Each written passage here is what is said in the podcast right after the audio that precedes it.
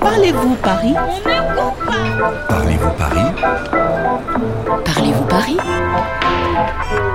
Bonjour, je m'appelle euh, David Angelo, j'ai 34 ans, je suis originaire du Soudan, qui est le Sud-Soudan maintenant,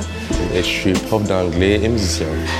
Ah, J'aime beaucoup euh, l'architecture dans Paris, euh, et surtout les églises, euh, bien sûr. Et, euh, en fait, j'aimerais savoir, c'est quoi la différence entre euh, une église, une cathédrale et une chapelle ជំរាបសួរកម្មវិធីយើងថ្ងៃនេះសូមណែនាំឲ្យស្គាល់ដាវីតដែលមកពីប្រទេសស៊ូដង់ខាងត្បូងដាវីតជាគ្រូភាសាអង់គ្លេសហើយគាត់ជាអ្នកលេងភ្លេងទៀតពេលនេះពួកយើងកំពុងនៅខាងមុខវិហារកាតូលិក Saint Eustache នៅម្ដុំលេអាល់ចំកណ្ដាលក្រុងប៉ារីសតែម្ដង Bonjour David. Bonjour, Ici nous sommes en face de l'église Saint Eustache. Qu'est-ce que tu penses de cette église c'est une très belle église, et euh, je suis jamais euh, rentré, mais euh, ça m'intrigue beaucoup. On y va On y va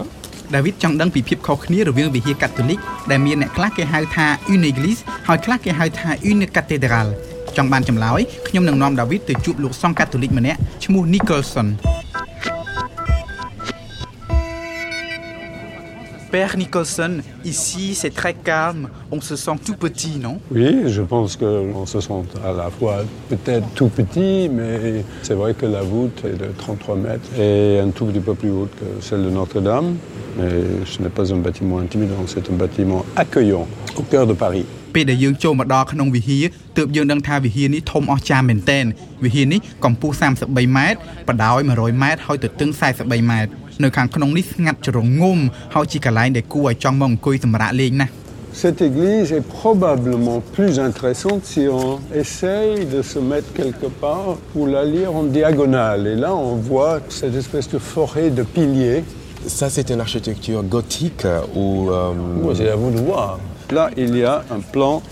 gothique qui ressemble beaucoup au plan de la cathédrale Notre-Dame. វិហារនេះជាសំណង់ដែលមានលេឡំរចនាបថច្រើនវិហារនេះគេសង់កាលពីជំនាន់សម័យ Renaissance ប៉ុន្តែបើយើងមើលទ្រង់ទ្រាយវិហារនេះ Le plan de l'église គឺវាមានទ្រង់ទ្រាយតាមបែបរចនាបថ Gothic Et si vous regardez bien, vous voyez que ce n'est pas une église gothique du tout. Pas du tout.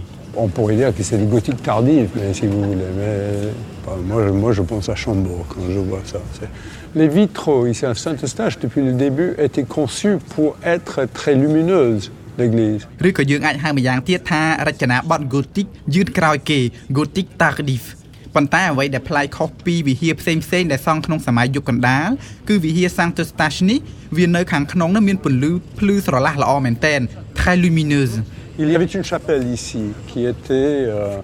une chapelle du XIIIe siècle sur le chemin de pèlerinage qui va à Montmartre. Euh, et ensuite, c'est François Ier qui a décidé de construire une grande église sur la rive droite. កាលពីសតវត្សទី13នៅកន្លែងនេះមានកូនវិហារ Chapelle តូចមួយអ្នកធ្វើដំណើរឡើងទៅលើភ្នំម៉ុងម៉ាតតែងតែឈប់សម្រាកនៅទីនេះរហូតទាល់តែដល់សតវត្សទី15ទើបស្ដេច François Ier បានសម្រេចឲ្យគេសង់វិហារថ្មីមួយនៅកន្លែងនេះ Et euh, en fait, euh, c'est quoi la différence entre euh, une église et une cathédrale?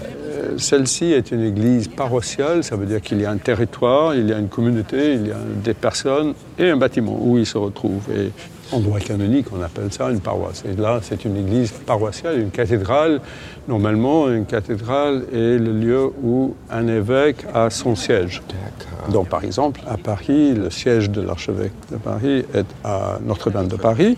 វិហារដែលគេហៅថា une église គឺជាវិហារប្រចាំភូមិឬសង្កាត់មួយសម្រាប់គ្រឹះបរិស័ទនៅចំណោះនៅក្នុងហ្នឹងគេមកធ្វើបុណ្យដល់វិហារ une cathédrale វិញគឺជាទីស្នាក់អាស្រ័យរបស់ថ្នាក់ដឹកនាំសង្ឃកាតូលិកប្រចាំតំបន់មួយ l'évêque Par rapport à cette église ici dans ces quartiers, Oui. est-ce qu'il y a un lien particulier avec euh,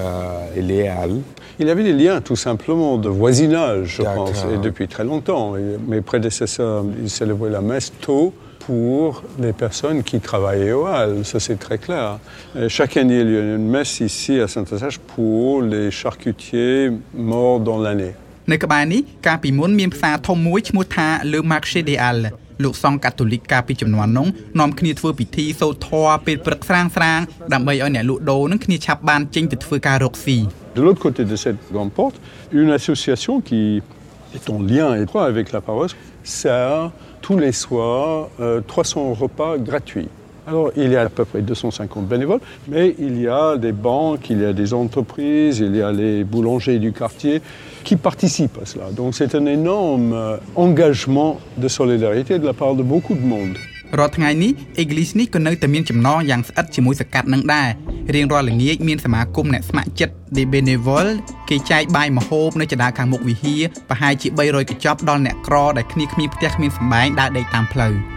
Ben, merci beaucoup. Merci à vous d'être venus. Au revoir Au revoir. Au revoir. Vous savez où nous sommes, vous pouvez toujours revenir. តាមដែលឮមកថានៅខាងក្នុងវិហារនេះមានឧបករណ៍តន្ត្រីអឺកដែលធំជាងគេនៅស្រុកបារាំងនេះកុំឲ្យខាតពេលយូរពួកយើងនឹងចូលទៅមើលឥឡូវនេះតែម្ដង